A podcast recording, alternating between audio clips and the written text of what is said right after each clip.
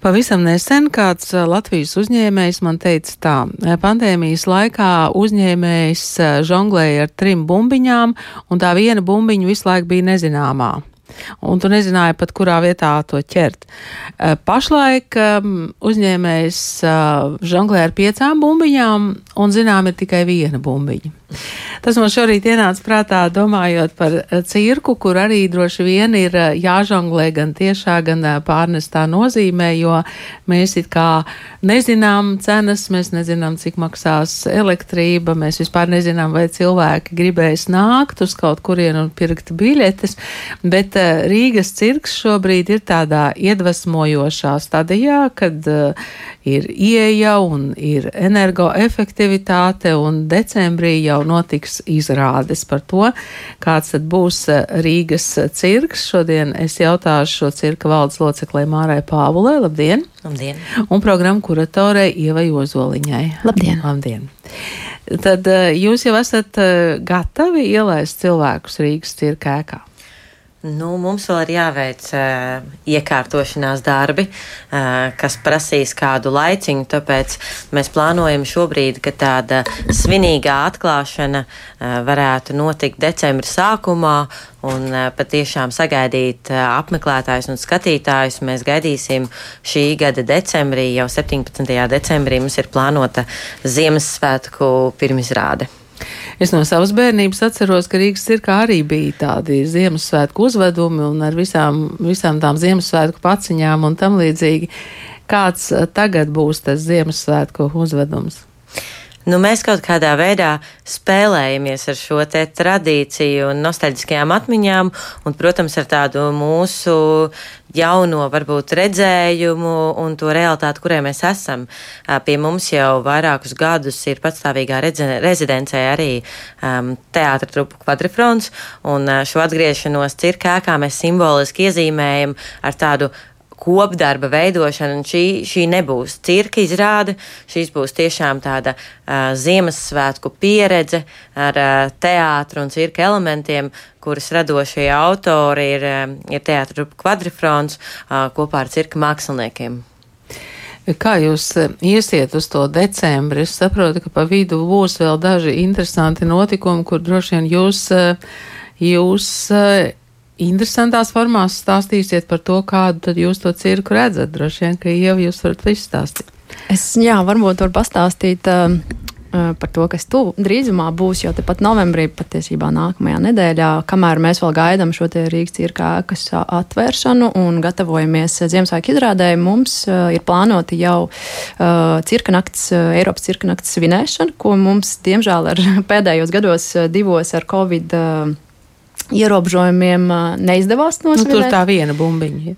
Jā. jā, jā, jā, tas nezināmais, ko mēs visu laiku cerējām, un, un līdz katru gadu bija tā, ka līdz pēdējiem brīdim būs, būs, nebūs, nebūs, un tieši atkal aizslēdz ciet visu, un atkal nav. Un tad šogad ir beidzot nu jau trešais mēģinājums, un, un mēs beidzot varam uh, arī atzīmēt, jo tā ir tāda patiesībā tradīcija, kas ir nesen ieviesta. Šis ir tikai ceturtais gads Eiropas cirka naktī.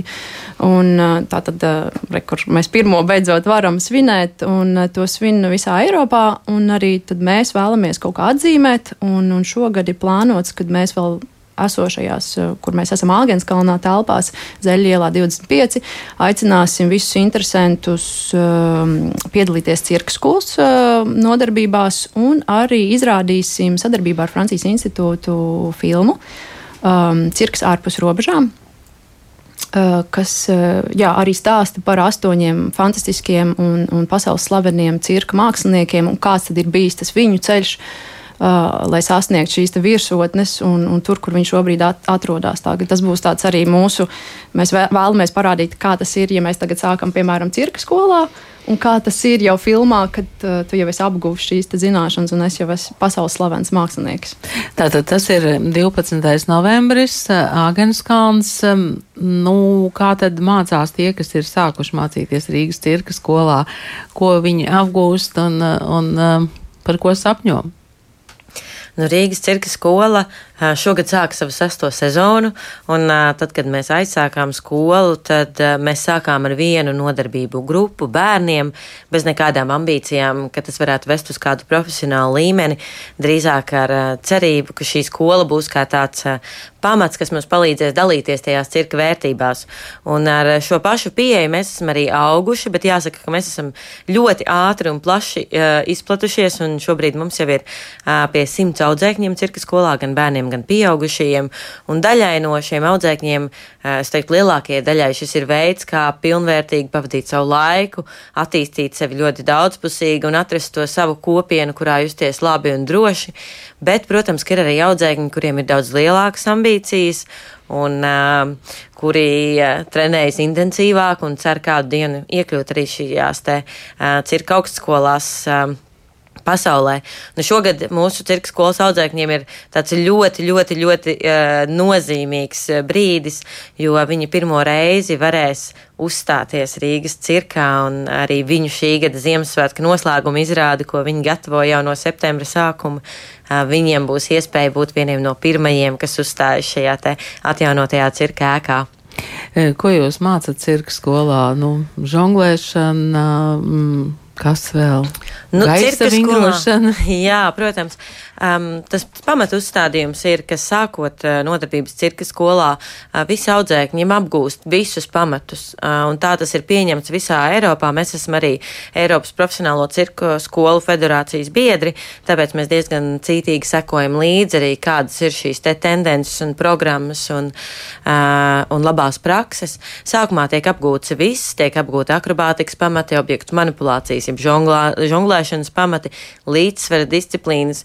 Jo ļoti svarīgi, lai šie te vienalga bērni, jaunieši, viņi spētu saprast, kas ir tas, kas viņiem padodas un patīk, bet orientētos arī šajā te cirka valodā kopumā.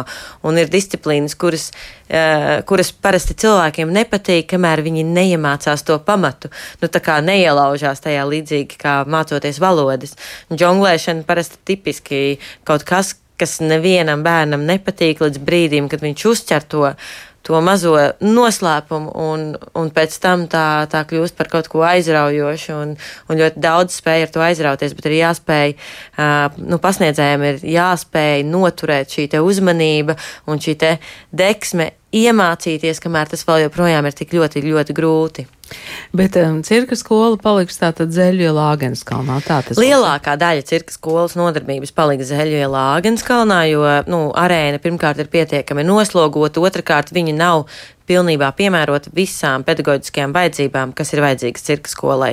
Bet, protams, kā mēs paredzam, ka daļa nodarbību varētu notikt arī cirkā, un, protams, ka arī cirka skolas veidotās izrādes varētu notikt cirkā, bet tā pamatbāze, kamēr mums nav pienākusi šī te kārta, kurā mēs plānojam uzbūvēt cirka skolas telpas arī Merķiļa ielā, paliks, paliks Āgenskalnā, Zeļielā. Bet mēs, protams, ceram, nu, kaut kādā redzamā nākotnē sagaidīt arī cirka skolas telpas Merķiļa ielā, jo jāsaka, ka mēs no šīs te vienas zāles arī Āgenskalnā strauji, strauji augam ārā un šī, eh, šis telpu trūkums eh, ir akūti jūtams jau.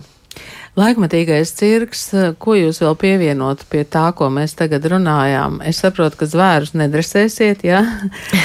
bet klaunus, piemēram, klaunus audzināsiet?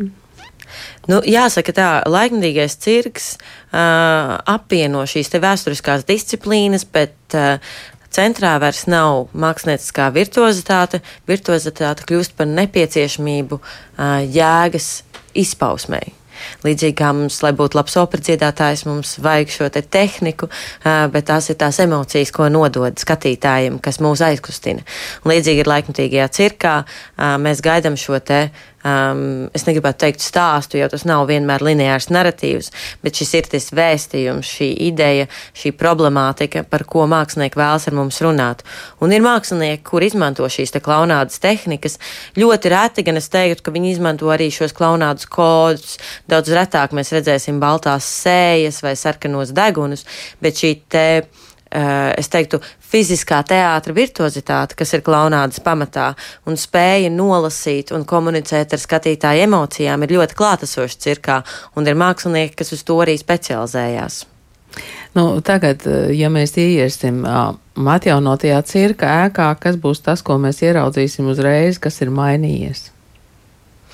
Nu, pirmkārt, mēs ieiesim ēkā pat pilnīgi citu ieeju. Tas ir no mērķeļa ielas. Mēs puses. nāksim no mērķeļa ielas, bet tā vietā, lai ietu pa kādreizējām parādas durvīm, mēs iesim iekšā, iekšpagalmā. Mēs esam izveidojuši iekšpagalmu, kas nākotnē savienos mērķeļa ielu ar Alfrēda Kalniņa ielu. Tur ir izveidots ļoti jauks iekšpagalms, no kura tad arī būs ieeja jau uz jaunajām telpām. Un uh, nākamā lieta noteikti, ko mēs redzēsim vēl tikai nākamo gadu, kamēr mums nav tribīnes, ir šī te mums būs iespēja redzēt pilnīgi tukšu telpu, plašu telpu, visā tās posmē, tajā skaitā atsekto um, vēsturisko apsegumu, jo uh, zem šiem te uh, gadu uh, desmitu uzslāņojumiem izrādās apakšā bija 130 gadus veci dēļi, ar tādiem jūgenstilu glaznojumiem, un šie dēļi tātad tika arī atrasti un izmantoti visā, visā interjera apdarē. Tā kā ļoti daudz ir šādi vēsturiskie elementi, kas ir tikuši atklāti un reintegrēti šajā interjerā, un, protams, jaunais kupols, kurš ir celtai paneļu kupols, kas nozīmē, ka viņš ir gaišā koka krāsā un ienes tādu gaismu. Un, nu, mans personīgais tāds uh, brīnums mazais. Man ļoti patīk, mums ir izdevies atjaunot kupola paviljonam augšā logus, kas bija aizvērti ciet droši vien siltumizolācijas dēļ, bet šie logi ir atjaunoti un nākotnē mēs varēsim izvēlēties, vai mēs vēlamies ielaist dienas gaismu telpā pa šiem te logiem vai arī pilnībā aptumšot telpu. Tas nozīmē, ja tagad nav tribīnas, tad cilvēks stāvēs kājās, jā, tā? Nu, uh, cerams, ka nē. Mm -hmm. ir iespēja paņemt savus krēslus līdzi, nē, bet, uh, protams, mēs domājam par kaut kādiem pagaidu risinājumiem, kas būtu konkrēti jau, kad mums ir izrādes, mēs plānojam izrādes, mēs saprotam, ka he, mums vajag uh, sēdvietas, un tad mēs plānojam attiecīgi kaut kādas risinājumus, vai tās būtu pagaidu sēdvietas, vai arī tās pašas izrādes var būt staigājošas, ne tikai sēdošas, jo tomēr tā telpa šobrīd ļauj staigāt. Viņi ir ļoti plaši. Es vēl pirmdien biju un arī pat redzēju, cik ļoti telpa ir mainījusies. Un, un man liekas, ka tas arī ir tas pirmais, ko arī skatītājs ieraugot, ienākot, ieraudzīs to, to lietu plašumu, kas tur tagad ir un tas gaišums.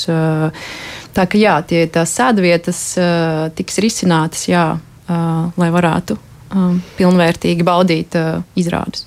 E, jums sieva arī bija kāds personiskais brīnums, ieejot atkal cirkā? Um, Nu, man liekas, ka jā, es, es biju pārsteigts. Nu, tiešām es nebiju kopš māja bijusi, un es tagad pirmdien aizgāju, un, un man bija prieks, cik ļoti ātri tas viss ir mainījies. Un kad uh, reku tūlīt, tūlīt jau principā mēs varam iet atpakaļ uh, telpā, un telpa, kas ir tik, tik ļoti mainījusies no tā klasiskā, to, no tā tradicionālā, ko mēs atceramies no bērnības, no, no 90. gadiem, kad mēs gājām. Tas koridors tur vairs nav, tur, tur, tur viss ir plašs, viss ir vaļā šobrīd. Un, un, man liekas, tas ir tāds maģiskais, tā, tā telpa ir fantastiski liela. Un, man liekas, kurš, kurš tur ieiet, ne tikai mākslinieks, bet skatītājs, tas ir pirmais, ko viņš pamanīs, cik plašums un tas augstums, tie, tie griezti ir iespaidīgi augsti. Sakiet, um, cik tālu jūs respektējat vai arī skatāties un piedāvājat cirka vēstures stāstus? Mēs patiesībā aktīvi strādājam pie tā arī šobrīd. Mums uh, norit arhīva projekts, um, kurā mēs uh, izzinām un kārtojam cirkam piedarošo arhīvu, un šis arhīvs tiek digitalizēts un pamazām tiek kārtots tam, lai viņš kļūtu pieejams arī gan nu, cirka interesantiem, gan akadēmiķiem un pētniekiem. Un nākotnē arī atjaunotajā cirkā mēs plānojam regulāri organizēt izstādes par dažādiem vēsturiskiem posmiem. Un, Mums tāpat arī vēl joprojām ir pieejama arī mūsu mājaslapā mūsu pirmais projekts, kas saucās Cirka stāsti, kur ir iespējams noklausīties intervijas ar cirka māksliniekiem un cirka darbiniekiem, kas ir piedzīvojuši dažādus laikmetus un dažādas pārmaiņas cirkā.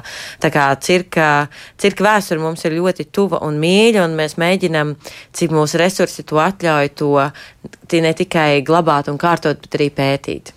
Vai jums joprojām kādi cilvēki arī jautā, vai būs drasēti zvēri? Man liekas, ka jā, tas ir tas mm. pirmais tāds jautājums, ko cilvēki prasa, uzzinot, ka mēs varbūt strādājam Rīgas cirkā vai ka Rīgas cirks vērsies vaļā. Tad, pirm, nu, jo jā, tāds pirmais jautājums, nu, vai tad zvēri būs uh, vēl, jo, jo man, liek, man liekas, mēs visi atceramies tirgu kā to tradicionālo ar tiem zvēriem, un, un vēl nesen pirms rekonstrukcijas mums bija vēl jūtama šī dzīvnieku klātbūtne tajās ēkās. Vairs nav. D vairs nav. Vismaz zirgu stālī, zirgu stālī vēl var just mazliet. Jā, jo es jaunajā atjaunotajā arēnā vairs nevar, uh, ziloņu mājā arī nevar, bet uh, jā, zirgu stāls ņemot vērā, ka viņš netika. Uh, tā teikt, atjaunots, mm. tad tur, tur, tur vēl ir sienās palikusi tā smaka. Nedresēt dzīvniekus un nerādīt cirkā, tā ir filozofija, kas atbilst laikmatīgiem cirkam. Laikmatīgais cirks nav izklaides žanrs. Laikmatīgais cirks ir mākslas žanrs, kurš, protams, var būt izklaidējošs, kā jebkurš mākslas žanrs, bet kura pamatā ir cilvēka vajadzība pēc mākslinieckās izpausmes. Un, uh, no tā arī izriet šī atteikšanās no dzīvnieku izmantošanas, jo šī vēlme mākslinieciski izteikties, nevis izrādīt kaut ko mūsu priekam. Un šī dzīvniekam vienkārši mēs nezinām, vai dzīvniekam ir šī vēlme mākslinieciski izteikties. Un visticamāk, ka tas tomēr ir tāds mūsu untums vēlēties redzēt kādu, kas dara kaut ko amizantu. Ja tagad mēs paskatāmies mazliet tālāk, tātad ēkas energoefektivitāte, kas notiek vēl tālāk? Nu, tā tad, jā, ēkas energoefektivitāte, šis ir te pirmā fāze visam mūsu lielajam projektam. Nākamā fāze, kas ir pati tuvāko, nu, tuvākā, norisināsies nākamgad, kas būs arēnas iekārtošana, respektīvi tribīņu projektēšana, uzbūvēšana, uzstādīšana, skaņas sistēmas iekārtošana, gaismu sistēmu iekārtošana, un to mēs plānojam pabeigt līdz nākamā gada beigām. Bet, protams, mums ir arī tālāki plāni. Mums ir šis te enerģijā izstrādātais projekts, kur ietveros ir plānots būvēt arī Blackbox, ja melnās kastes tipa teātri, un vēlāk arī cirka skolu ar rezidenču centru, kurā būtu gan trīs zāles, kas piemērotas dažādu cirka disciplīnu apgūšanai, gan arī apartamentu, kuros tad varētu uzturēties mākslinieki, lai veidot šīs izrādes. Bet tas vēl tālākā nākotnē. Ja? Tas vēl ir tālākā nākotnē. Tātad, tātad tā tuvākā nākotne ir 12. novembris un uh, Eiropas cirka nakts, un pēc tam decembrī es saprotu, ka jūs jau aicināsiet skatītājus. Ja? Jā, mums jau ir uh, izsludinātas izrādes.